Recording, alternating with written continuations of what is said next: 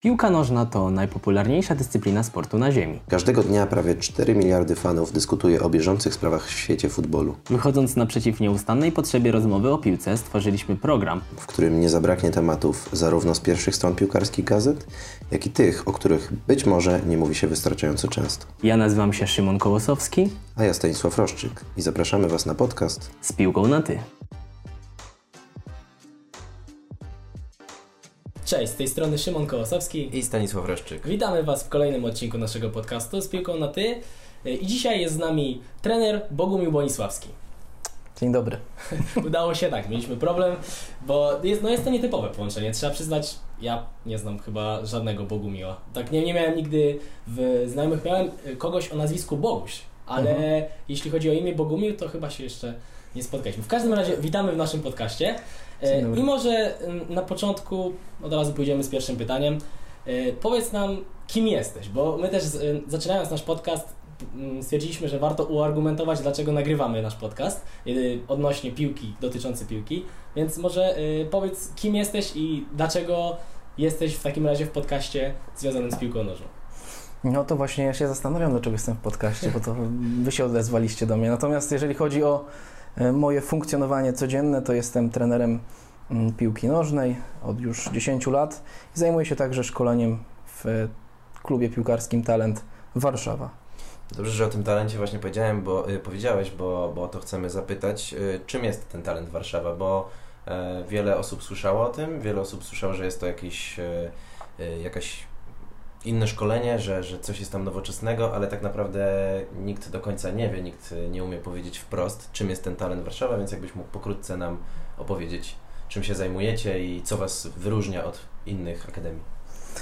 Jeżeli chodzi o to, co nas wyróżnia, to przede wszystkim mm, intensywność zajęć i objętość tych zajęć. My uważamy, to jest filozofia klubu wszystkich trenerów, że wszyscy zawodnicy przychodząc do klubu muszą mieć jak najwięcej zajęć z jak największą jakością. Oczywiście jakość jest niezmierzalna, nie możemy powiedzieć o tym, e, że ten trening e, był dobry jakościowo, bo ten zawodnik nagle z e, minuty na minutę stał się lepszy.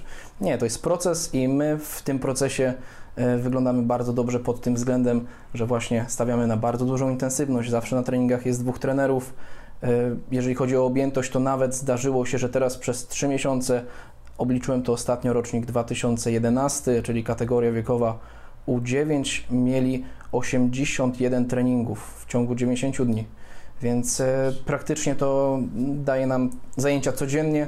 No i to wszystko oczywiście powoduje, że oni są technicznie lepsi, co może w przyszłości doprowadzić do tego, że szybciej będziemy mogli nabywać umiejętności taktyczne, czyli te, które są tak zaniedbane w polskiej piłce. Uważasz, że najbardziej brakuje nam y, umiejętności taktycznych jako pi- piłkarzom generalnie? Tak, Polski? tak, tak, zdecydowanie i no myślę, że udowadniane jest to na, na każdym na każdym kroku. Też Wam powiem taką ciekawostkę, że rozmawiałem ostatnio z zawodnikiem trzeciej ligi prawym obrońcą i zapytałem go, jakie ma w ogóle założenia indywidualne na tej pozycji w ofensywie, w defensywie. No i powiedział, że w ofensywie ma być szeroko, w defensywie wąsko.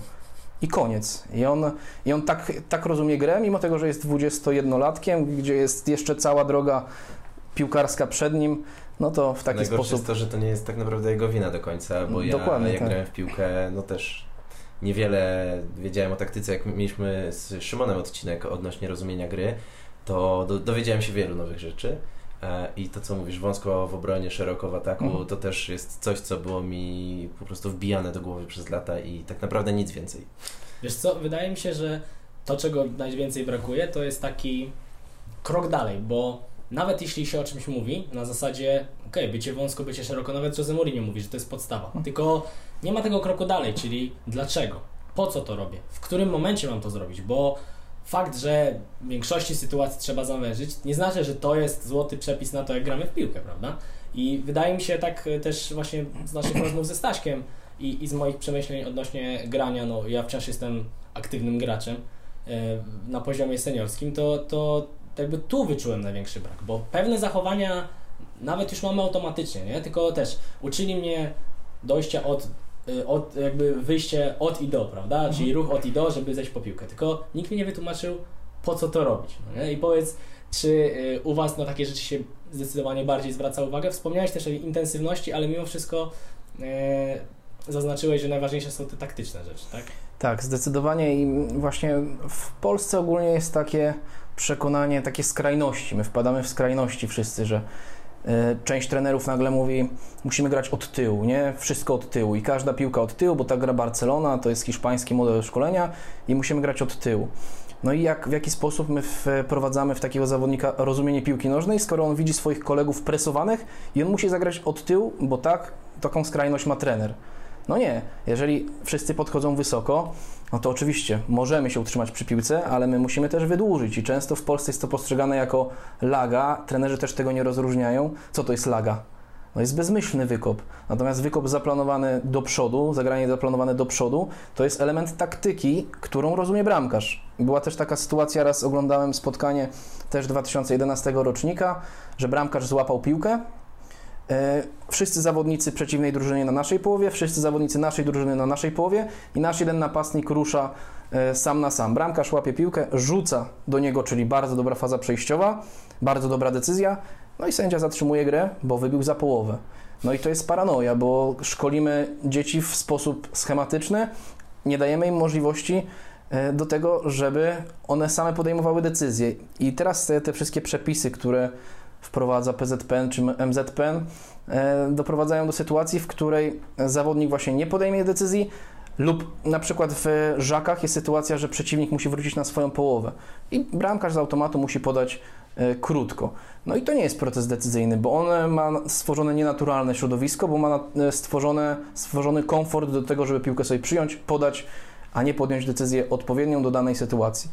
E, czyli jednak lepiej jest zostawić dzieciakom pole do rozwoju kreatywności, tak? Zdecydowanie, bo mamy sytuację, w której e, mm, obrońcy, czyli drużyna defensywna e, przeciwna musi wrócić na swoją połowę e, i jak możemy to wszystko ominąć? Możemy to ominąć zagraniem od bramkarza do obrońcy i ten obrońca jest parę metrów dalej i jak trener nie ma świadomości tego, jak uczyć, to i tak nakaże mu walić prosto w pole karne i będzie miał jeszcze łatwiejsze rozwiązanie niż w przypadku, gdyby przeciwnik podszedł wyżej, bo docelowo taki miał być zamysł tego, że przeciwnik musi się wrócić na swoją połowę, żeby zagrać od tyłu.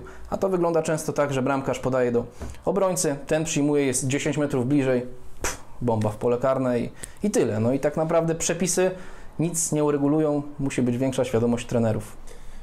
Okej, okay. słuchaj, wracając jeszcze trochę do talentu, bo, bo tutaj chciałem zapytać o jedną rzecz, e, bo rozmawialiśmy o szkoleniu, czym się różni od innych akademii u Was, a no właśnie, czym, czy, czym się różnią te, te szkolenia. E, I jeszcze chciałem się Ciebie zapytać o, jakbyś mógł e, powiedzieć jakiś taki krótki opis treningu, jak u Was wygląda, bo bardzo często w klubach jest tak, że treningi opierają się na bardzo podobnych schematach, to mhm. znaczy, e, już tłumaczę, e, na początku mamy zazwyczaj jakiegoś dziadka, e, zazwyczaj jakąś taką gierkę luźną na, na, na rozgrzewkę, później jest jakaś rozgrzewka cała drużynowa, już taka oficjalna, później przechodzimy do jakichś ćwiczeń na drabinkach, jakiejś stacji i tak dalej, później mamy jakieś mini gierki taktyczne i na końcu jest gra całej drużyny. Czy u Was w talencie to się różni? Czy te wszystkie treningi opierają się na czymś innym? Czy też jest podobnie, jeżeli chodzi o te schematy? Jak, jak to wygląda?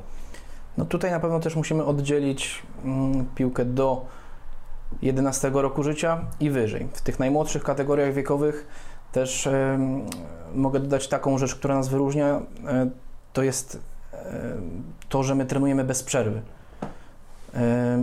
ale o tym powiem zaraz, wrócę jeszcze do jednostki treningowej. W momencie, kiedy wchodzimy na boisko, zaczynamy od kontroli nad piłką. To jest schemat stały treningu. Zaczynamy od kontroli nad piłką, ponieważ te treningi e, zawsze, czy to w drużynach starszych, czy młodszych, one się na siebie nakładają i tak naprawdę te pierwsze minuty są zorganizowane w taki sposób, że trener, asystent e, pilnuje zawodników i oni wykonują ćwiczenia z naszego programu Talentinho, gdzie jest kontrola nad piłką ze wstawką motoryczną. Oczywiście jeszcze ten trening zaczyna się wcześniej, bo chłopcy poznają temat i całe założenia na tablicy y, przy szatni treningowej, bo mamy szatnię, naprzeciwko jest sala, tak jakby, niech to nazwę górnolotnie wykładowa i sobie tam wszystko trenerzy omawiają, nad czym pracujemy. E, dzieci już wiedzą, więc bez problemu wejdą zaraz e, w trening, no i działamy przez założenia indywidualne, pogrupowe, do zespołowych, wszystko w grach. Ale sprawdza się ten plan treningu pokazywany dzieciom przed jednostką treningową? Tak, sprawdza się z tym, że to też e, musimy wiedzieć, z jaką grupą pracujemy. Jeżeli pracujemy z siedmiolatkami, no to ta rozmowa musi być zupełnie inna niż na przykład z dziesięciolatkami.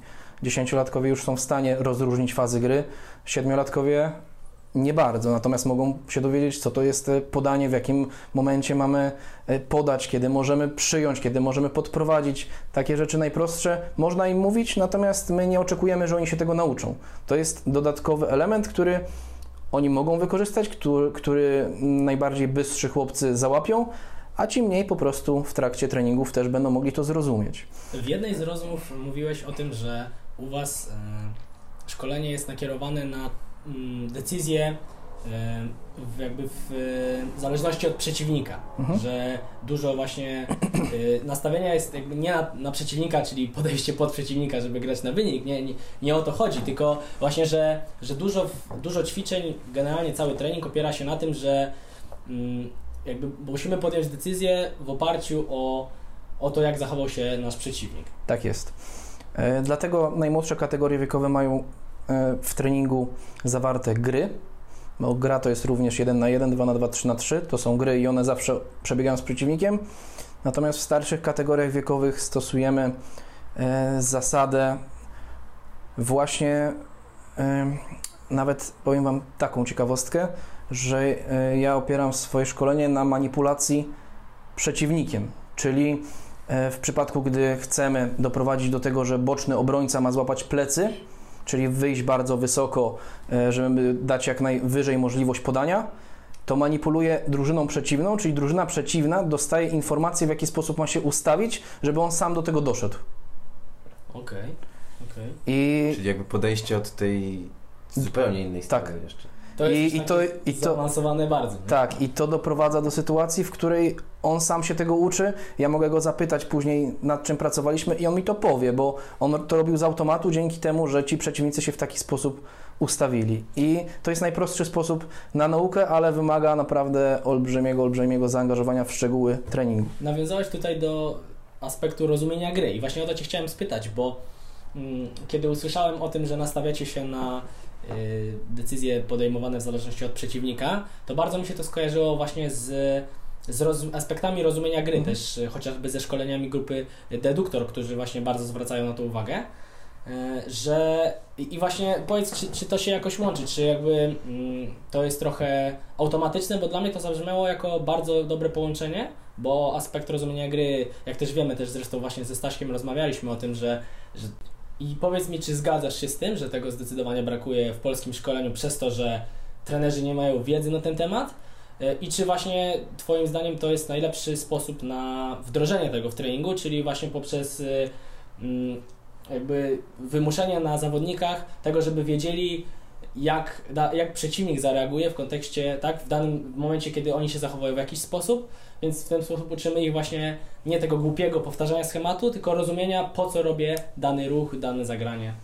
No oczywiście, bo to jest taki, taki prosty przykład. Nawet on był na kursu konferencji trenerskiej i wszyscy spojrzeli na to e, ćwiczenie, które wykonywali e, ci zawodnicy i wiem, że powtarzali. Często tak się zdarza, że, że widzą jakieś ćwiczenie trenerzy i od razu powtarzają na swoich treningach, przekładają jeden do jednego, czy widzą w czasopiśmie, czy widzą w jakimś e, internecie e, ćwiczenie i robią je jeden do jednego e, na swoim treningu, co tylko świadczy o, to, o tym, że ci trenerzy właśnie nie rozumieją tego, co mają robić. Mm, Dla mnie e, przede wszystkim trener musi mieć określone zasady gry i uwarunkowane swoim modelem, dzięki czemu może wprowadzać w treningu em, rzeczy, które są właśnie nazywane teraz też mm, konceptami i one wpływają na to, że te zachowania nie zależą od tego, czy pobiegnę do właśnie stożka czy pachołka, tylko od tego, jak się zachowa przeciwnik, bo te zależności powodują, że wszystko dookoła się zmienia. Ta piłka nożna jest bardzo skomplikowanym sportem,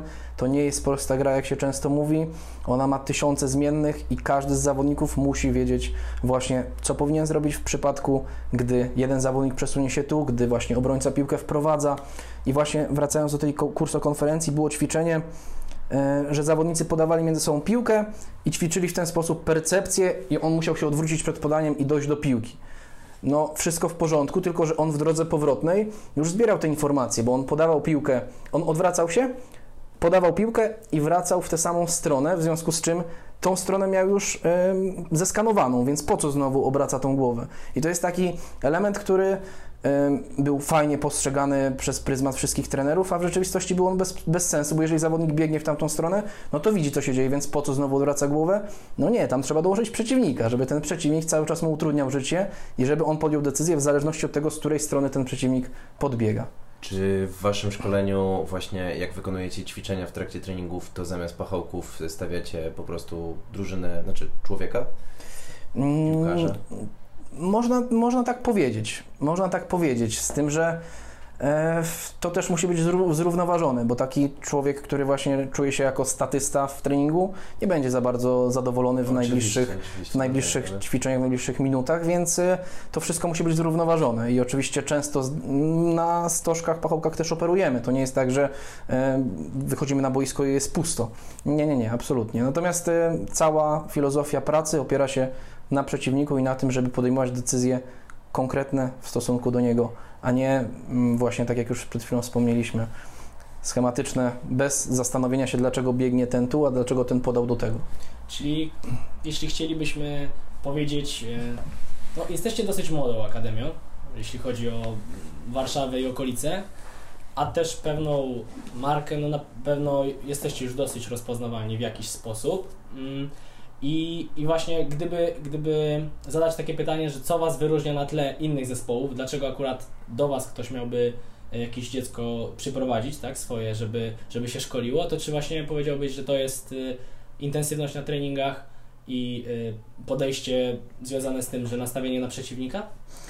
E, Myślę, że Tak po, po, po, części, po części tak. I myślę, że naj, najbardziej wyróżnia nas nasza kadra szkoleniowa, bo e, tak jak już też e, rozmawialiśmy przed audycją, nasi trenerzy nagrywają mecze. Nie, nie, niezależnie od kategorii wiekowej, zawsze kamera jest i mimo tego, że ci najmłodsi e, adepci piłki nożnej u nas, też piękne słowo, ale z racji tego, że tutaj rozmawiamy oficjalnie, tak się będę wysławiał, e, nie za bardzo mm, jeszcze rozumieją to, co się dzieje na boisku i dla nich najfajniejszą sprawą to jest piłkę przyjąć, podprowadzić, strzelić gola, to i tak mogą sobie te mecze e, obejrzeć i e, ta kadra nasza trenerska to jest to, co na- nas najbardziej wyróżnia. Ja też bardzo o to dbam, bo e, też taka ciekawostka. E, uważam, że w Polsce nie ma czegoś takiego jak scouting trenerów. Czyli nikt nie jeździ, nie szuka dobrego trenera po klubach, nie zerka na jego treningi, a ja jeżdżę. Ja jeżdżę i szukam do talentu trenerów, którzy mi się podobają w ramach organizacji zajęć, w ramach tego, jak ich zespół wygląda i mogę to ocenić bardzo szybko. E, I uważam, że nasi trenerzy są na naprawdę bardzo wysokim poziomie, przede wszystkim dlatego, że są to pasjonaci. To są ludzie, którzy mogą o tej piłce nożnej rozmawiać bez przerwy. To są ludzie, którzy oglądają bez przerwy mecze, jeżdżą na mecze innych drużyn. To są wszystko rzeczy, których wymagamy u nas w klubie. E, I myślę, że dzięki temu w taki sposób pracujemy i tak dobrze nam idzie. Spotykamy się też co miesiąc, omawiamy sobie wszystkie szczegóły związane ze szkoleniem. Robimy warsztaty, na których prezentujemy różne ćwiczenia, które bardzo dobrze e, zafunkcjonowały. No to wszystko wpływa na to, że wzbogacamy swój warsztat i jesteśmy po prostu lepsi. A co do tej analizy jeszcze, co do tej analizy jeszcze wideo, e, to też Wam powiem taką e, anegdotkę, że ja pracując przez 10 lat, myślę, że nie wiem, no, na palcach jednej ręki mógłbym policzyć mecze, których nie nagrywałem i za każdym razem, już, ja, ja już się z tego śmieję, trener drużyny przeciwnej podchodzi do mnie i pyta, czy mogę mu udostępnić nagranie. No i co byście zrobili? Wiesz co? Z jednej strony jesteś dobrym człowiekiem, więc powiesz tak, ale Mhm. z drugiej strony myślisz sobie, człowieku, dlaczego sam tego nie zrobisz? To nie jest przecież żaden problem. To jest coś, o czym rozmawialiśmy z Szymonem właśnie w jednym z naszych odcinków, e, którego zresztą słuchałeś, bo rozmawialiśmy o tym przed nagrywaniem. E, I, i, I właśnie doszliśmy do takiej konkluzji, że bardzo często trenerzy, którzy trenują czy to dzieci, czy nawet seniorów, e, po prostu nie są na tyle pasjonatami, że, że, że są dobrymi trenerami. No bo jednak dobry trener to taki, który kocha piłkę całym życiem, y, całym sercem.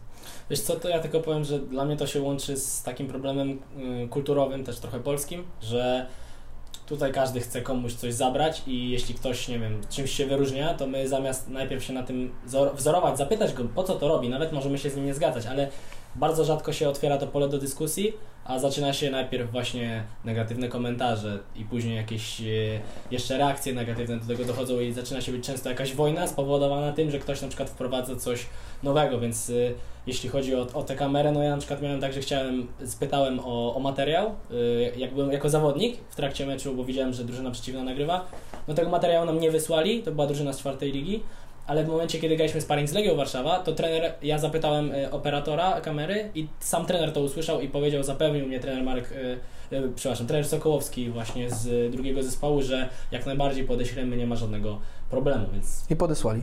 podesłali. Ja znalazłem na to sposób i mówię do trenera, bo to jest tak, ja jadę na mecz y, z załadowanym całym samochodem, mam tam piłki, sprzęt, kamerę, tablice taktyczne itd., itd. To wszystko wymaga poświęcenia i przygotowania. I dlaczego ja poprzez naładowanie kamery, zgranie tego na komputer, wrzucenie na YouTube'a, co zajmuje cały dzień, dlaczego ja mam to udostępniać tak bez żadnego problemu wszystkim trenerom dookoła, skoro to jest moja praca. E, I znalazłem na to sposób, mówię, nie ma problemu, przyjedź do mnie i sobie zgraj na komputer. Ja mówię, że jestem codziennie w klubie i mówię, przyjedź, zgraj sobie na komputer. Przez tyle lat jeden człowiek do mnie przyjechał. Czyli Jeden. to jest tak, że pytają, I są koniec. ciekawi, ale Mhm. jeżeli trzeba coś samemu zrobić, Mhm. faktycznie poświęcić swój czas na to, to... Tak, to, ja mówię, to- przyjedź, ja ci to zgram, nie ma problemu, ale nie będę wrzucał tego w internet dla ciebie. To, co mi wpadło do głowy mm, właśnie jako może rozwiązanie teraz i właśnie wiąże, nawiązuje do tego, co przed chwilą powiedziałem o problemie kulturowym, że tak jak jest na przykład w... Wiem, że już od trzeciej ligi tak było, bo jak grałem w trzeciej lidze, to e, drużyny miały obowiązek nagrywać mecze i wrzucać je do systemu, gdzie każdy mógł oglądać i, i dla mnie to jest jak najbardziej sensowne rozwiązanie, bo w momencie, kiedy coś jest od góry narzucone, to nawet no nie ma problemu, że coś ktoś chcesz ode mnie, tylko ty to powinieneś zrobić, bo ty z tego korzystasz, a też no wiadomo, że są pewne ograniczenia, chociażby na tych niższych poziomach, że no nie jesteśmy w stanie wysłać sześciu ludzi na sześć różnych boisk. I to jakby daje w pewnym sensie równe szanse wszystkim, bo to jak kto skorzysta z tego, to już jest ich indywidualna sprawa, tak? Ale możliwość jest i jest to jakby odgórnie na, nałożone i tylko y, jakby na polskie realia ciężko sobie wyobrazić, że taki, taki obowiązek zostaje narzucony na przykład w juniorskich ligach, nie? Myślę, że każdy, nagle by się pojawiły narzekania, że a, pieniądze na kamerę i po prostu milion różnych powodów, dlaczego nie da się tego zrobić. No właśnie, zawsze szukamy problemów, a nie ma rozwiązań. Dobrze, i przechodząc dalej, bo ostatnio bardzo głośno w Polski, wśród polskich pasjonatów, czy to trenerów, czy, czy kibiców, bardzo głośno jest y, o reformie zaproponowanej e, dla PZPN-u w sprawie e, zlikwidowania e, lig młodzieżowych do 11 roku życia dla właśnie dzieci grających, uczących się grać w piłkę e, i zastąpienie tego cotygodniowymi turniejami. E, No i też e, zaproponowane jest właśnie ranking tych klubów, ponieważ jak dzieciaki kończą 11 lat, no to wtedy przychodzą e, do, do tego poziomu, gdzie już rozgrywają e, ligi 11-osobowe. I chciałem się zapytać, co w ogóle sądzisz o tej, o tej reformie? Czy ona jest dobra, czy to idzie w dobrym kierunku, czy tak generalnie nie powinno tak być, no bo wiadomo, to jest odgórnie narzucone, więc może być negatywnie odbierane przez kluby i tak dalej. Jest, jaka jest Twoja opinia na ten cały temat? No to mm, pierwsza część tej reformy, czyli e, zlikwidowanie lig, jest oczywiście słuszna, bo te dzieci już w bardzo młodym wieku zostają mistrzami ligi, oni już w bardzo młodym wieku zaglądają na tabelę. E, Jest ogromna presja na tych dzieciakach, ogromna radość e, i ogromny smutek. I, I zdarza się tak, że zawodnicy, którzy zajęli na przykład trzy razy z rzędu pierwsze miejsce, stają się po prostu wypaleni w tak młodym wieku. Oni już mają mnóstwo medali, mają mnóstwo osiągnięć, są najlepszą drużyną w Warszawie, e, a koniec końców to nie ma żadnego sensu i żadnego odniesienia do jego przyszłości. Więc zlikwidowanie lig do 11 roku życia uważam za słuszne i tak powinno to wyglądać. Spokojnie można sobie organizować, tym bardziej, że podczas tego okresu można organizować sparingi na poziomie podobnym do swojego zespołu, więc z automatu wszyscy gracze będą się rozwijali i nie będzie problemów, że jakiś zespół wygrał z drugim 20 do 0 czy 25, już takie wyniki też oczywiście są. Natomiast jeżeli chodzi o tą drugą część, czyli ten ranking klubów, to odbiję piłeczkę i Was zapytam o taką rzecz. E, Wy macie jakie formaty w, e, u Was w- z piłką na ty? Wywiad, co jeszcze jest? Czy, czy to jest jakoś podzielone? My przede wszystkim dyskutujemy we dwóch. Mhm. Mm, Mamy no, przeróżne tematy, generalnie z piłką na ty, więc opowiadamy Mhm. zarówno, chociażby mieliśmy odcinek o Akademii Benfiki Lizbona, Mhm. też o, y, o, o sytuacji polskich młodzieżowców. Generalnie są to tematy około piłkarskie, natomiast sama formuła to jest albo rozmawiamy we dwóch, Mhm. w różnym, no też właśnie w różnych w pewnym sensie formach, bo na przykład czasem Stasiek mnie o coś bardziej wypytywał, czasem ja jego, czasem prowadziliśmy dyskusję, ktoś się z kimś nie zgadzał. Mhm. I drugą taką skrajnie różną formą powiedzmy jest właśnie y, to, co teraz robimy, czyli rozmowa z gościem. I to jest nasza trzecia rozmowa. No jeszcze oprócz, oprócz tego nagrywamy też filmiki, które wrzucamy na Facebooka, ale Mhm. są to raczej w formie krótkich, 7-8 minutowych podsumowań najciekawych wyda- najciekawszych wydarzeń z tygodnia, więc trochę co innego, ale Mhm. też jeszcze tym też, y, to, to też robimy. No to, to teraz właśnie sobie wyobraźmy, że jeden z tych formatów, załóżmy nasz wywiad, będzie miał 100 tysięcy wyświetleń yy, i kolejny z wywiadów będzie miał tyle samo, kolejny z wywiadów tyle samo i nagle przepis, nie wiem kto zarządza radiami, e, podcastami, ale przepis nagle powie, że o nie, wywiady mają bardzo dużo wyświetleń, w związku z tym musicie je przekazać do weszło. Okej. Y, Co masz na myśli w ten sposób? No mam na myśli to, że my na przykład, y, na, na, nawet dobra, nie, nie odnosząc się do nas, niech będzie Legionowia, niech będzie Świtnowy Dwór, Mazur Karczew, że te drużyny y, mają na przykład bardzo dobre roczniki w kategorii U11, y, są na najwyższym poziomie na Mazowszu, a z racji tego, że starsze roczniki gdzieś tam nie dają sobie rady, no to te dzieci zostaną zesłane do czwartej czy piątej ligi. No i jaki to ma sens? Okej, czyli mówisz, y, chodzić, y, negujesz pomysł rankingu, tak? W Tak, ten sposób jakby chcę, chcę- rozumiem, że chcesz to nam zakomunikować tak. i jasne, my to rozumiemy i też właśnie co więcej chcieliśmy powiedzieć, że y, rozmawialiśmy o tym w ostatnim odcinku, mm, który A kto był Jeszcze gościem? go nie A, między sobą. Między tak, jeszcze sobą. go, bo nagrywamy, prawda, z wyprzedzeniem y, i ten odcinek pojawi się przed naszą rozmową. Natomiast właśnie w nim poruszamy ten temat tej reformy i, i rankingu i tam też za, zaznaczyliśmy ważną rzecz, że to jest tylko propozycja i to, było, to zostało trochę rozdmuchane, bo sam e, trener Libich, Mhm. który gdzieś tam e, wrzucił na, na właśnie te informacje mm, na, na jakąś oficjalną stronę PZPN-u, no to e, on sam powiedział, że to jest propozycja i on czeka na dobre propozycje. Czeka, on nie mówi, No to ja mam na- dobrą propozycję. Okej, właśnie o to Cię chciałem zapytać, czy, czy masz coś ze swojej strony, bo wiemy już, że są ne- bardzo dużo negatywnych głosów, tak jak jest bardzo dużo pozytywnych w zasadzie same odnośnie e, likwidacji wyników w, w tych ligach młodzieżowych do 12 roku życia, tak jednak nie było żadnych pozytywnych praktycznie w, e, w kwestii tego rankingu. No, No, więc zresztą my, my też się nie zgadzamy Tak jest, z, więc z może tą formą rozwiązania. pomijmy narzekanie, błędy w tym, w tym, e, w tym Super. pomyśle, bo to już wiemy. I zapytamy. Cię, tak jest, czy masz jakieś rozwiązanie? No i właśnie, to jest bardzo prosta forma, jak dla mnie, szybkiego wyselekcjonowania drużyn, które w, danym, w danej kategorii wiekowej są na wysokim poziomie.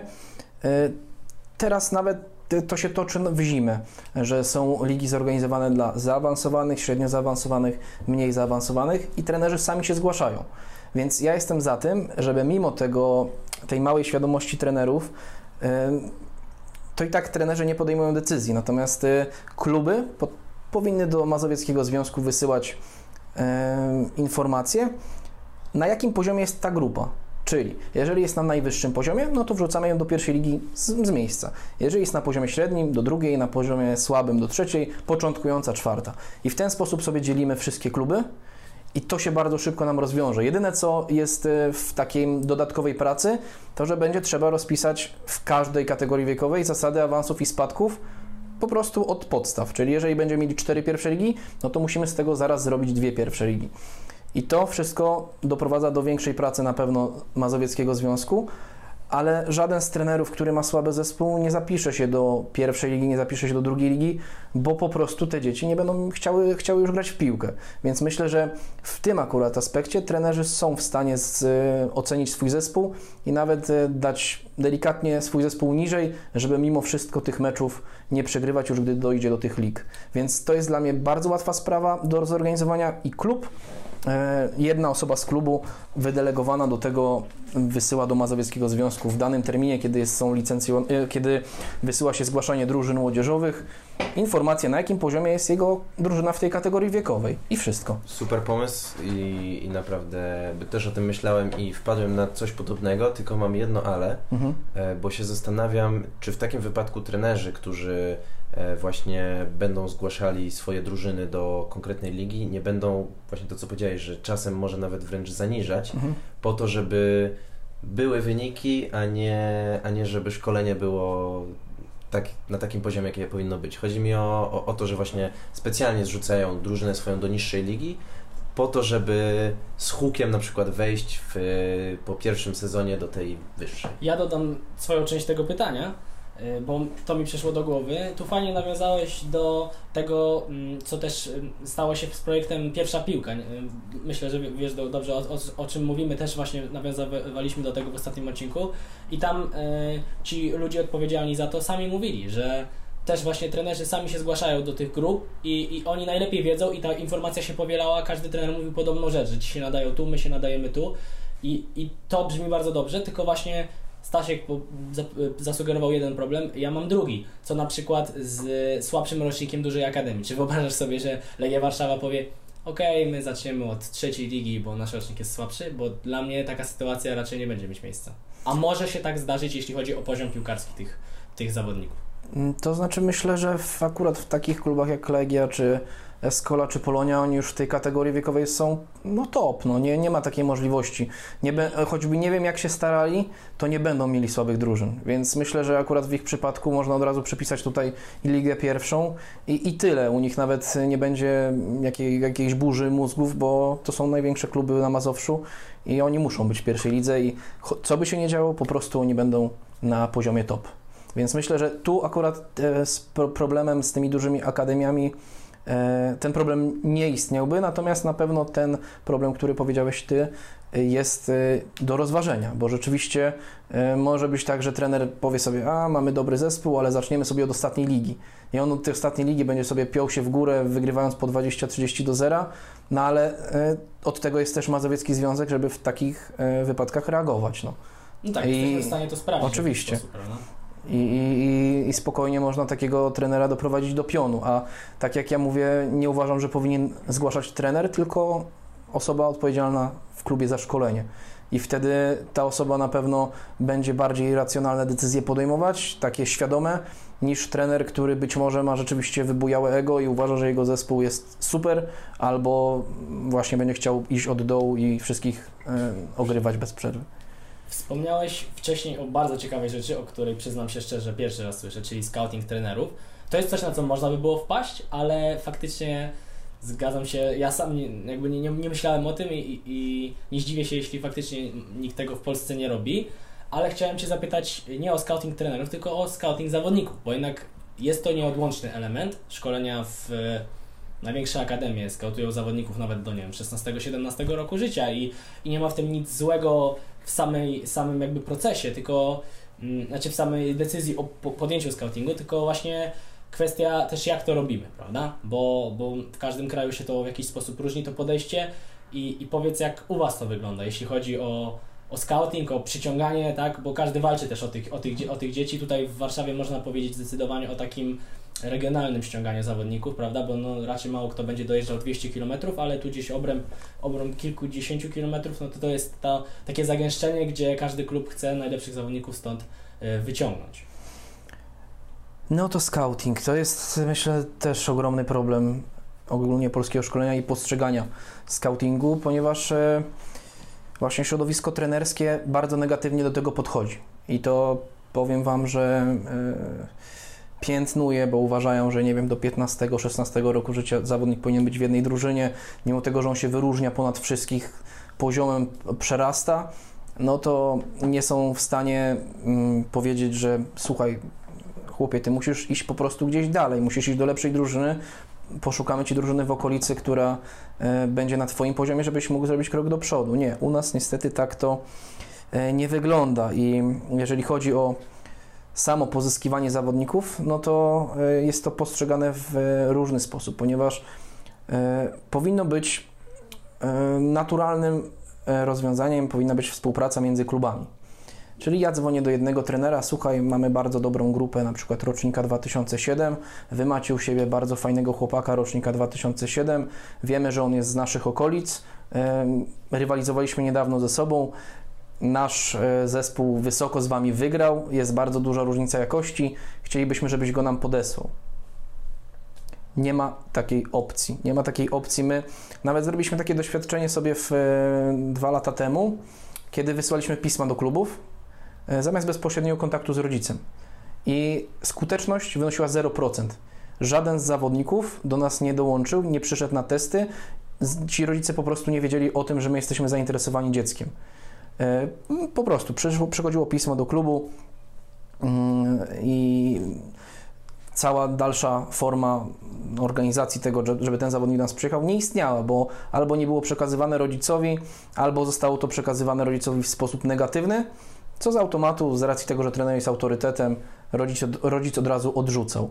E, I jedyna forma skuteczna do tego, żeby zawodnicy do nas dołączali, to jest bezpośredniego kontaktu z rodzicem, co jest bardzo piętnowane przez e, kluby okoliczne. E, Bardzo tego kluby okoliczne nie lubią, bo według nich to jest ich zawodnik, ich dziecko i w ogóle oni mają do niego pełne prawa. Otóż nie, właśnie tak nie jest, bo dziecko, to dziecko musi zobaczyć, jak jest w innym klubie, musi zobaczyć, jak wygląda u nas szkolenie i dzięki temu właśnie on do nas dołącza, bo już tutaj chce zostać. I jeżeli mielibyśmy sytuacje, w których my dajemy gorszą ofertę treningową, gorszą ofertę temu zawodnikowi, to oni by do tego klubu wracali, a tak się nie zdarzało. To jest problem, z którym mi osobiście zdarzyło się zmierzyć e, w trakcie trwania mojej przygody z piłką, myślę, że ze trzy razy minimum, bo pamiętam jak e, początkowo zaczynałem karierę swoją, znaczy nie nazwę tylko karierą, przepraszam, swoje treningi zaczynałem w e, Okęciu Warszawa e, i tam mieliśmy sytuację, w której rozpadł się nasz rocznik. Trener się pokłócił z zarządem, e, nie miał, klub nie, nie ściągnął żadnego innego trenera na jego stanowisko, więc po prostu rocznik musiał się rozpaść i szukaliśmy okolicznych klubów. Chcąc przejść do Gwardii Warszawa z Okęcia, no to jest tam bardzo blisko między tymi dwoma klubami. E, Gwardia usłyszała od, e, od zarządu właśnie klubu Okęcie minimum 500 zł za- każdego zawodnika, bo inaczej, bo inaczej go nie puścimy i przez rok ten, ten chłopak e, czy ta dziewczyna nie będą mogli grać. E, I szczerze mówiąc, no takie patologie mam wrażenie, że często się zdarzają w polskim klubie. I tutaj pytanie, słyszałem o takiej propozycji rozwiązania, czyli takiego odgórnego narzucenia ze strony PZPN-u, żeby zawodnik chcący odejść z jednego klubu do drugiego nie musiał nic płacić. E, Czy to byłoby dobre rozwiązanie według Ciebie? Czy to Ogólnie jednak... zawodnicy nadal w przepisach nie muszą nic płacić, żebyśmy mieli jasność. E, Przepisy zobowiązują klub pozyskujący do zapłacenia ekwiwalentu za wyszkolenie. Za wyszkolenie. I Tak. tam chyba w tym momencie za rok y, 200 zł? Nie, nie, Różnie, nie różnie. pamiętam dokładnie. W zależności od kategorii klubu, czyli te największe kluby ma, musiałyby zapłacić więcej, te trochę mniejsze mniej i tak to wygląda, że ci, którzy mają, bo to w zależności od klubu, od kategorii rozgrywek, w której są seniorzy, czyli ci, którzy są w B-klasie, A-klasie często nie muszą płacić za zawodników nic, jeżeli pozyskują z tego samego, z tej samej kategorii i im wyżej, tym jakaś tam jest kwota większa. U nas jest taka patologia w Polsce, że kluby pozyskujące, mimo tego, że to jest zawodnik na przykład do CLJ-ki, mówią rodzicowi, chcesz grać w CLJ-ce, to zapłać ekwiwalent. I tak to się u nas toczy. Yy, I kluby pozyskujące po prostu yy, nie są w stanie pokrywać ekwiwalentów, a nie są w stanie pokrywać ekwiwalentów yy, przez to, że te największe kluby nie płacą tym troszeczkę mniejszym. To znaczy tak, E, Tutaj też e, akurat ja się opieram na swoim przypadku i na tym, jak to wygląda u nas w talencie. No i rzeczywiście, e, mimo tego, że zawodnik jest postrzegany jako gracz z wielkim potencjałem, z dużym talentem, e, no to niestety kluby nie chcą płacić ekwiwalentów i bardzo często mamy sytuację, że rodzic musi, musi go opłacać. My jako klub płacimy ekwiwalenty, więc e, zawodnik nie jest w ogóle w to mieszany. Zawodnik, rodzic. Rodzic nie jest w to mieszany. Jeżeli klub y, za szkolenie życzy sobie 1000 zł, no to my te 1000 zł płacimy.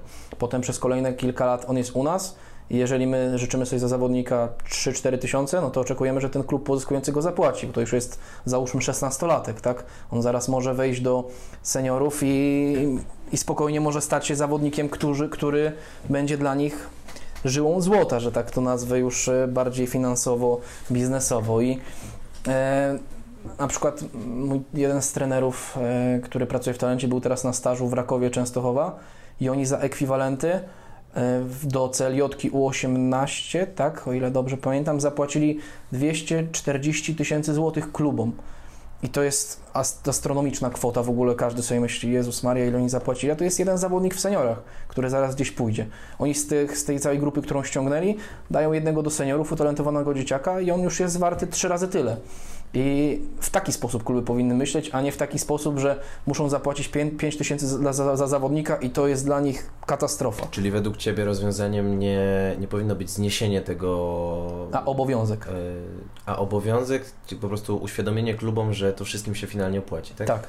To, o czym mówisz, przypomina mi bardzo y, też słowa, które wielokrotnie mówi w różnym kontekście y, Przemysław Mamczak, y, czyli dziennikarz, y, z, który teraz też prowadzi podcast Jak uczyć futbolu, którego też byłeś gościem, gdzie właśnie rozmawialiście o dziedziczeniu CLJ. Tak pamiętam, że, że wypowiadałeś się dosyć negatywnie na ten temat. Natomiast i właśnie to, to mi się bardzo ko- skojarzyło z tym, bo on często mówi, że, że dobrym pomysłem byłoby jasne jasny, po pierwsze jasny podział w Polsce, którego nie ma pomiędzy szkółkami a akademiami i, i to, jest, to jest ten problem, że często mniejsze kluby mogą rywalizować z drużynami właśnie, nie wiem, akademiami ekstraklasowych zespołów i jest to problem w Polsce, że nie ma takiego zdecydowanego podziału, jak jest chociażby w Anglii. Mm, I to jest pierwsza rzecz, a druga rzecz to jest właśnie to, o czym przed chwilą mówiłeś i też o co Cię Stasiek pytał, czyli mm, kwestia mm, jasnych y, takich układów tak, między drużynami, że nie będzie problemu, że ktoś za komuś musi płacić, bo jest jasno powiedziane, że że na przykład właśnie mniejsze kluby będą miały z tego konkretne korzyści, tak? Mhm. I, I nie będzie tego problemu, że moje nie oddam, bo ty mi nie ograsz w lidze, tylko przez to, że to jest większy klub, to ja będę dumny, że on tam idzie, a jeszcze inna sprawa, że się nie muszę zastanawiać, czy mi zapłacą, bo to jest w przepisach. Mhm. Więc y, y, to brzmi, że tak powiem, właśnie nawiązane, nawiązanie do tego i my też się z tym zgadzamy, zresztą właśnie ostatnio o tym mówiliśmy. A, ale to, o co chciałem spytać, bo, bo mówiłeś wcześniej o tym problemie właśnie z tym, że musicie pisać do rodziców i, i też spotkałem się z takim określeniem, że jest to nieetyczne, żeby odzywać się do rodziców, Mhm. tak, że jest to w pewnym sensie namawianie zawodników i też chciałem Cię spytać, no bo jednak y, jesteście młodą akademią, jesteście rok młodsi od Escoli, która mimo, że, że powstała w 2012 roku, to już jest dosyć mocną marką, ale wiemy, że to współpraca z Barceloną była tak i to też im na pewno bardzo pomogło. Natomiast no wy jako dopiero rodząca się marka, no, no właśnie, czy, czy na przykład wyciągacie zawodników, y, jakby staracie się wyciągnąć zawodników ze Skoli, to o tym też mówiłeś, tak, że żeby zawodnik poszedł do lepszego klubu, no ale w momencie, w którym to inne drużyny mają lepszą markę, to, to wy jesteście w tym momencie na takim y, na miejscu, że to raczej wy ba bardziej oddajecie, powinniście, tak, według tego Mhm. sematu, oddawać zawodników do lepszej drużyny, typu Escola, typu Legia e, i, i się z tego cieszyć. I czy faktycznie tak jest? Jak to wygląda? Takie dwa, dwa pytania zawarłeś w jednym. E, Jeżeli chodzi o etykę, bo to jest bardzo też często powtarzane e, stwierdzenie, etyka trenerska, to ja się Ciebie zapytam, czy w przypadku, kiedy trener przychodzi nieprzygotowany na trening, to jest etyka pracy trenera, czy nie? Zdecydowanie nie. Okej, brak w przypadku, kiedy trener dzień wcześniej miał bardzo fajną imprezę i nie do końca jest świadomy tego, co się dzieje, to jest etyka pracy, czy nie? Znam te sytuacje z autopsji. No właśnie, nie i, i takich przykładów mam bardzo dużo. Może właśnie jeszcze powiemy, czy etyką pracy jest e, korzystanie z telefonu na treningu? Nie. Czy etyką pracy jest skorzystanie z ćwiczenia, które jest w internecie i zwalnięcie go jeden do jednego na treningu? Nie. I to jest dla mnie. Czy etyką pracy jest e, pójście na szkolenie trenerskie i robienie zdjęcia wszystkim slajdom, po czym przekazywanie tych slajdów swoim zawodnikom, czy nie wiem, na swoich trenerów, to jest etyka trenera? Nie, to jest kradzież.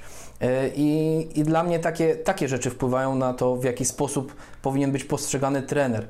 E, Natomiast ja ze swojej strony mogę powiedzieć, że my mamy, zdarzały się już nam przypadki, że udawało nam się współpracować z trenerami e, w kontekście przechodzenia zawodników i chcielibyśmy to kontynuować, ale, ale tak jak mówię, też już sobie obraliśmy taką drogę, że wybraliśmy sobie e, w przypadku scoutingu, najpierw musimy się zastanowić nad tym, kto prowadzi ten zespół, czy to jest jakiś furiat, który w ogóle e, najchętniej to by tą drużynę doprowadził do seniorów i jeszcze do oldboyów, e, czy to jest trener, który rzeczywiście jest świadomy i rzeczywiście chce dobra tego dziecka.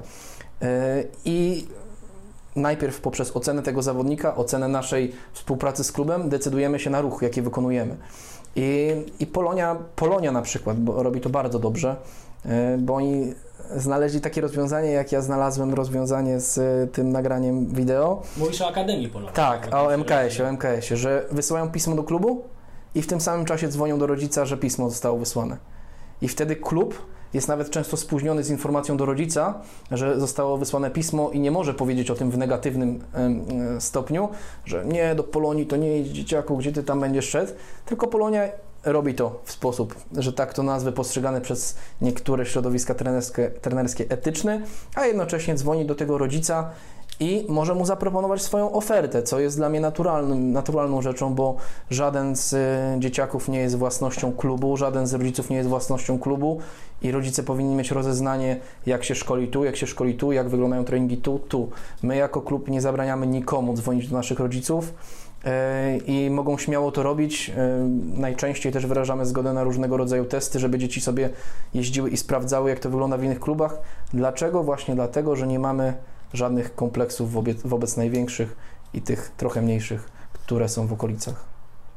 Czyli mówisz, że mm, nie, gdyby, gdybyście widzieli to, znaczy jeżeli widzicie na przykład właśnie, że nie wiem, jest jakiś dzieciak, dajmy na to w Escoli, tak, no, Legia to może już zbyt duży przykład, ale takiej Escoli, która jest też blisko Was, e, jakby geograficznie, no i, i widzicie szansę, żeby rozwijał się w Waszym roczniku, to mimo, że tak e, renoma, czy też powiedzmy w jakiś sposób zaplecze klubu na ten moment jest, wygląda lepiej tam, to jesteście w stanie powiedzieć do niego przyjdź do nas i jakby być przekonanym, że faktycznie nie jest to wyciąganie zawodnika, tylko jest to krok, który, na którym on przede wszystkim skorzysta.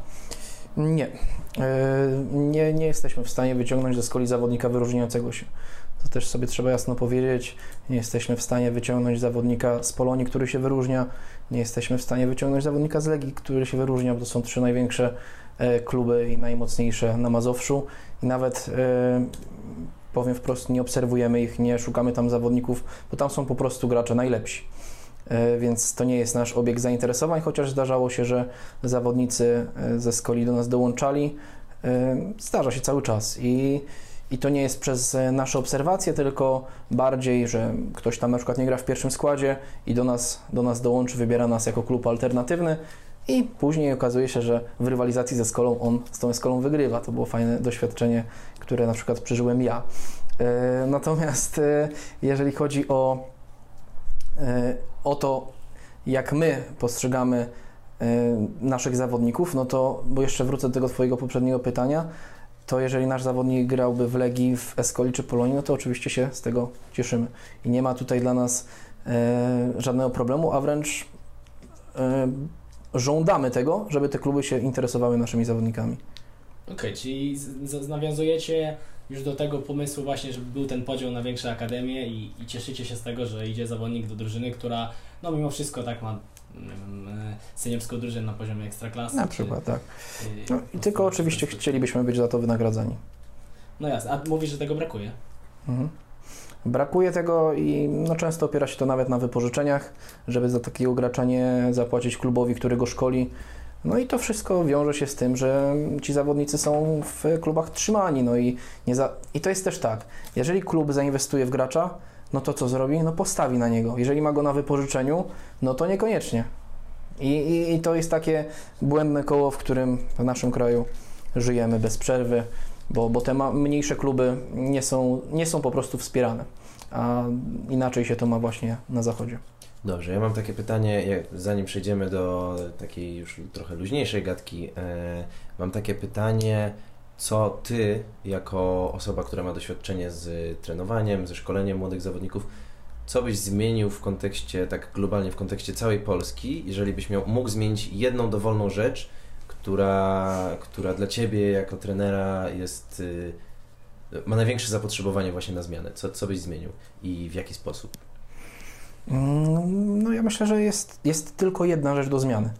Jedna. Nic więcej nie trzeba robić. Szkolenie trenerów. I to jest, To ciekawe, bo dokładnie o tym samym pomyślałem. to jest wszystko, co możemy zrobić i, i, i w rzeczywistości poziom kursów. któryś z Was był na kursie, Ty chyba? Tak, I ja jak z UFAC oceniasz UFAC kurs? Na pewno też ja nie zacząłem praktyki koniec, w końcu. Miałem zacząć pracę w jednym z klubów, ale w końcu to nie wypaliło, więc na ten moment jestem bez takiej już y, praktyki stuprocentowej, że trenuję w jakimś klubie, miałem tylko staż.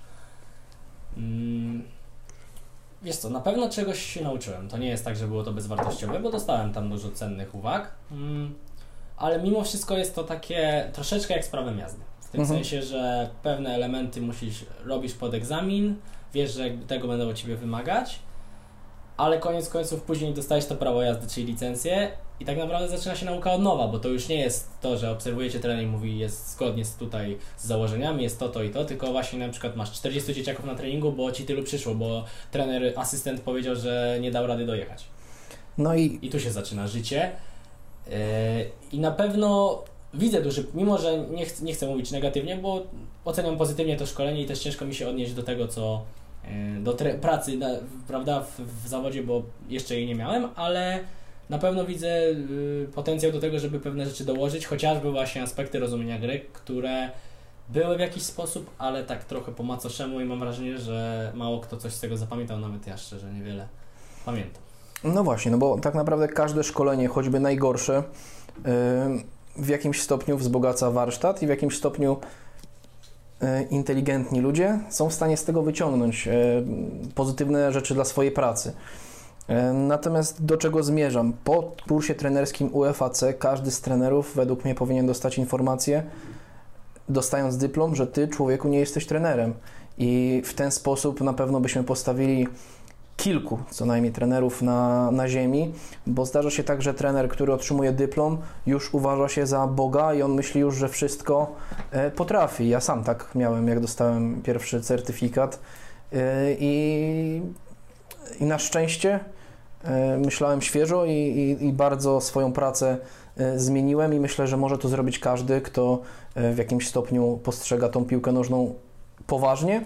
E, I myślę, że taki kluczowy właśnie aspekt związany z tym, żeby to szkolenie trenerów wyglądało lepiej, e, dotyczy inwestycji nie w e, a- mm, AMO, nie w e, tą mobilną Akademię Młodych Orłów, nawet bym powiedział, może trochę odważnie, że nie w certyfikację, tylko w to, żeby każdy okręg miał trenerów, edukatorów, którzy jeżdżą po treningach, po klubach i załóżmy, niech będzie 15 ludzi, którzy są z Polskiego Związku Piłki Nożnej na Mazowszu, niech oni otrzymują za to wyłącznie wynagrodzenie jeżdżą i kontrolują jakość treningów, jakość meczów, jak się zachowywał trener. Jeżeli trener jest właśnie tak jak wspomniałem, bo są tacy furiaci, którzy są w stanie nawyzywać dziecko 13-12-letnie, to jeżeli taki edukator to widzi, idzie, mówi ostatnie ostrzeżenie, przyjadę za miesiąc, będziesz się tak zachowywał, nie będziesz Czerwona pracował kartka. nie będziesz pracował. I to jest wszystko.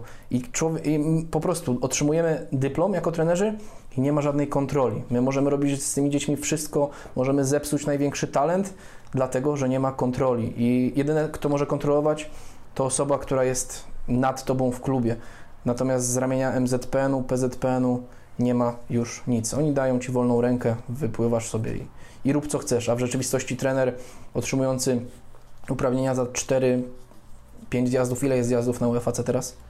My mieliśmy 4 plus egzamin jakoś, tak? No, po, po czterech zjazdach taki człowiek e, nie wie za dużo. On musi sam grzebać, sam e, szukać różnych rozwiązań, sam nabierać tego doświadczenia, a spokojnie mógłby raz w miesiącu przyjechać człowiek, który by o tym wszystkim powiedział i zwrócił uwagę na pewne aspekty, do których on dojdzie pewnie za parę lat dopiero.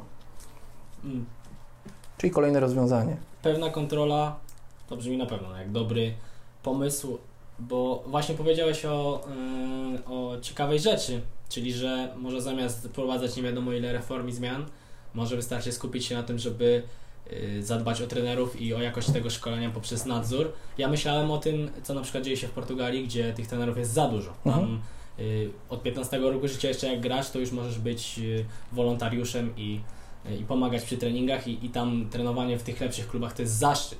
I, Mhm. I w Warszawie, znaczy w Warszawie, w Polsce na pewno jest to jakiś e, przywilej, ale myślę, że nie ma to aż takiego statusu i też w ogóle rola trenera, zawód trenera jest troszeczkę tak jak większość kluczowych zawodów, nie wiem, typu nauczyciel, lekarze jest y, trochę źle traktowany i, i, myśl, i myślę, że to się z tym e, jak najbardziej wiąże. I tak kończąc już naszą poważną dyskusję, y, chcieliśmy Cię trochę zapytać o, bo, bo słyszeliśmy o tym, y, że mieliście właśnie w talencie y, kanał na YouTube, zresztą macie go cały czas. Y, Ekstraliga TV, tak on się nazywa i, i, i zaciekawiło Po- nas to... Po znajomości, też po znajomości. Zaciekawiło nas to dlatego, że rozmawialiśmy z naszym, z trenerem właśnie z Akademii Talentu, Michałem Marcinkiewiczem, z którym się znamy też z boisk. I on, y, on nam właśnie w ogóle powiedział, że też prowadził takie wywiady, myśmy się trochę zdziwili, ale wy tam mieliście naprawdę, naprawdę mocne nazwiska jako gości. I ciekawi mnie to, że no niestety, po pierwsze, oglądalność tego nie była jakaś bardzo wysoka, co no też jest problemem, że pewne merytoryczne rzeczy się po prostu gorzej sprzedają. E, Ale właśnie chcieliśmy Cię spytać o to, jak, jak wspominasz ten projekt, bo wiem, że tych wywiadów już raczej tak regularnie nie prowadzicie, e, ale wyglądało to bardzo ciekawe, jak coś e, interesującego i w ogóle jak wspominasz ten projekt, co, nim, co byś o nim mógł powiedzieć. E, To była świetna sprawa z racji tego, że mm, niektórzy zawodnicy odbywali na przykład swoje pierwsze wywiady w życiu. E, Chłopaki jeździli na mecze, e, robiąc wywiady z 16-latkami, co też warto zaznaczyć. e, Ekstraliga U16 była e, złożona z drużyn najlepszych na Mazowszu, bo też tego nie rozumiem. Znowu muszę odejść od tego, co chciałem powiedzieć, ale e, centralne ligi juniorów są w kategorii U15, U17 i U18. Czyli nie ma U16, jest tam luka i wtedy najlepsze drużyny po prostu trafiają do najwyższego poziomu na Mazowszu, czyli do tej ekstraligi. Więc mieliśmy tam do czynienia z tymi wszystkimi największymi markami i na pewno bardzo przyjemnie to wspominam, bo dzieci, dzieci, może już nie dzieci, ci, ci chłopcy 16-letni prawie przyjeżdżali na te mecze, pytali się, czy jest Ekstraliga, pytali się, czy będą z nimi wywiady. E, Do tego stopnia doszło, że jeden z trenerów zabronił swoim dzieciakom e, udzielania wywiadów, bo powiedział, że ich to dekoncentruje.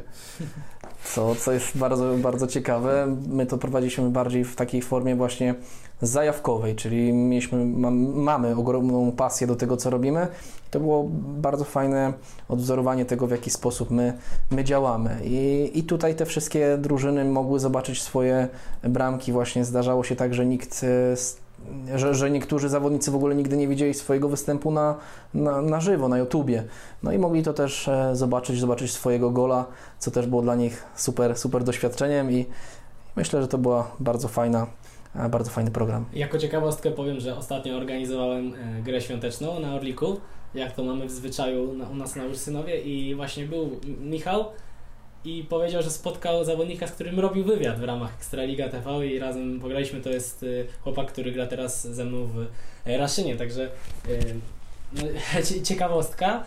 I też, e, no jest to ciekawy pomysł, nie? jeśli chodzi o to, żeby zainteresować. Ja też myślę, że gdyby przyjeżdżała jakakolwiek telewizja, nawet jeśli byłoby to właśnie jakiś kanał na YouTube, który ma kilkaset wyświetleń, no to, to na pewno byłaby wielka frajda, a mm, może to może tylko po, po obrazować jeszcze bardziej tą, tą, tą potęgę właśnie problemu, że, że dzieciaki, nie wiem, nie widzą swoich nagrań, bo, bo w szkoleniu się w ogóle na to nie zwraca uwagi, gdzie ten element analizy dobrze przeprowadzony jest bardzo istotny i wielu piłkarzy na profesjonalnym poziomie zwraca na to uwagę, że to jest klucz w tym momencie, kiedy już decydują detale, więc też wyobrażam sobie, że w momencie, kiedy się to stosuje od najmłodszych lat, można uczynić bardzo, bardzo duży progres, ale chciałem Cię spytać o te wywiady, bo tam e, poza wywiadami z zawodnikami widziałem też, że były właśnie wywiady z bardzo znanymi gośćmi, jak dziennikarze. Tomasz e, Smokowski był, tak? E, też Roman Kołtoń. Roman Kołtoń, właśnie, no to, to są nazwiska, które każdy kibic piłkarski w Polsce kojarzy z telewizji. Więc po pierwsze, jak Wam się udało te wywiady zorganizować? O czym rozmawialiście i czego się z tych wywiadów dowiedzieliście, może nauczyliście, co wyciągnęliście? E, chciałem jeszcze do poprzedniego tematu nawiązać. Śmiało. Nie ma problemu. E, Dodam jeszcze, że ta cała Ekstraliga, e, którą tam stworzyliśmy, właśnie taką super otoczkę, my tutaj u siebie grając oferowaliśmy drużynom przyjezdnym, kibicom, rodzicom kawę, herbatę, były tutaj ciastka, jakieś największe cuda, które mogliśmy zorganizować jako gospodarze. E, I to też e, moim zdaniem jest jeszcze jeden bardzo ważny problem w Polsce, czyli właśnie ten mental, bo ludzie nie odbierali tego tak pozytywnie, tylko z taką zazdrością i zawiścią. I my wchodząc do tej ekstraligi e, nie, nie byliśmy chłopcami do bicia, tylko my się stawialiśmy. I doszło do takiej paranoi, że no, 3 czwarte tej ligi przyjeżdżało na swoje mecze kibicować naszym przeciwnikom. I, I to właśnie też świadczy o tym, jak w Polsce jesteśmy przygotowani do czegoś fajnego, do czegoś większego, do czegoś więcej. E, No niestety, no, u nas w Polsce e, każdy, każdy na każdego patrzy e, negatywnie i zamiast się cieszyć z czegoś, co jest dla tych chłopaków super, no to właśnie było to postrzegane bardzo negatywnie, ale myślę, że teraz e, chłopaki do tego na pewno wracają i właśnie też super sprawą jest, że wywiady, które prowadziliśmy z zawodnikami, będzie można w przyszłości odtworzyć, bo niektórzy z tych zawodników już zaczynają e, ocierać się o piłkę na poziomie centralnym, e, na najwyższej, w najwyższej e, klasie rozgrywkowej.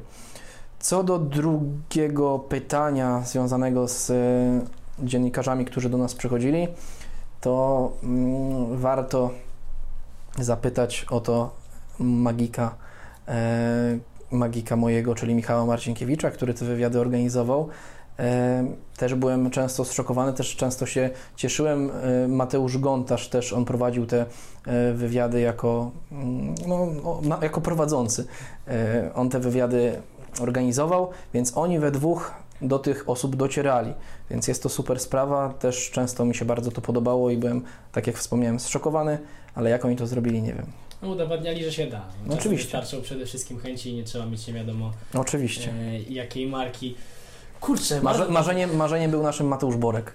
To jest w ogóle niesamowite, bo tak jak sobie myślę w kontekście naszego podcastu, to też jakby niewiele potrzeba, żeby, Mm. żeby spotkać się z tak fajnymi ludźmi jak na przykład ty, bo Dziękuję. Wie, wiele dzisiaj rzeczy, o których nie miałem nigdy pojęcia, a dzisiaj usłyszałem, nie, nie odzywając się jakoś super dużo, ale jakby siedząc z boku i słuchając tego, o czym rozmawiamy. E, I kończąc już y, ten, ten odcinek, który, ten wywiad, który nagrywamy, e, ostatnie pytanie. E, jeżeli, jeżeli możesz, to w jednym zdaniu, maksymalnie dwóch, chcielibyśmy Cię zapytać o motto, które, które przychodzi Ci do głowy, jeżeli chodzi o Twoje życie związane z piłką nożną. Co na przykład Cię prowadzi, albo, e, albo jakie motto jest y, tym, które Cię napędza jeszcze bardziej do działania, albo na przykład motto, które Ci się kojarzy z Twoją dotychczasową karierą jako trenera. Jakieś po prostu pierwsze, które przychodzi Ci do głowy. Jednym zdaniem. Możemy zatrzymać, żebyś się zastanowił. Nie, no bardziej chodzi mi o to, że bym się chętnie troszeczkę Wypowiedź. Nie, no Wypowiedział nie, nie więcej. Też chodzi o to, że y, zbieramy trochę od właśnie naszych gości zawsze. Y, no za- zawsze jest to trzeci nasz wywiad, ale, ale jest to taka rzecz, którą, o którą zawsze pytamy, czyli właśnie mm, jakieś takie proste często powiedzenie. Wiadomo, że za nim często idzie, idzie bardzo dużo, y, i przekaz mocny, ale to można czasem zawrzeć właśnie w kilku słowach, w jednym zdaniu, więc y, merytorycznie jesteś, wiesz, bardzo dobrze obudowany, więc o to chcieliśmy spytać, czy masz może taką jedną rzecz, którą na, Mhm. najbardziej chciałbyś przekazać. mam swoje, które sam sobie wymyśliłem. Nie ma problemu, o, Super. tym bardziej. Tym bardzo bardziej jeszcze lepiej, no. E, Pracuj w taki sposób, żeby w przypadku niepowodzenia spojrzeć sobie w lustro. I dlatego ja ograniczam wszystko, co się da, żeby nie było żadnego przypadku, żeby, jeżeli nie daj Boże, odpukać, przegramy jakiś mecz, żeby móc sobie spojrzeć w lustro, ale jednocześnie, e, żeby wiedzieć, że muszę dać siebie jeszcze więcej.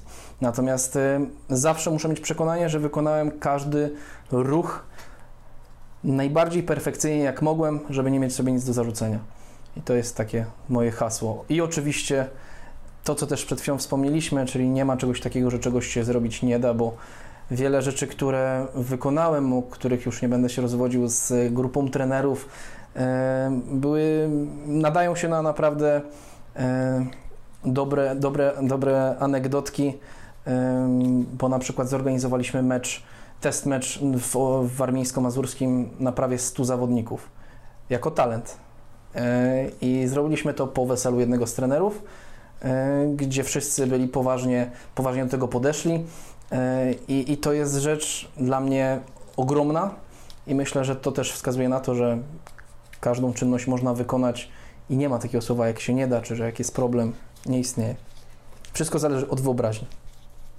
Dobrze, dziękujemy Ci w takim razie za wywiad. Wielu, wielu, wielu ciekawych rzeczy można było się dowiedzieć. Na dzisiaj to wszystko. E, No i Co? Żegnamy się. Żegnamy się. Z tej strony Stanisław Roszczyk. Szymon Kołosowski. I Bogumił Bonisławski, dziękuję bardzo. Było nam bardzo, bardzo. miło, dziękujemy i do usłyszenia.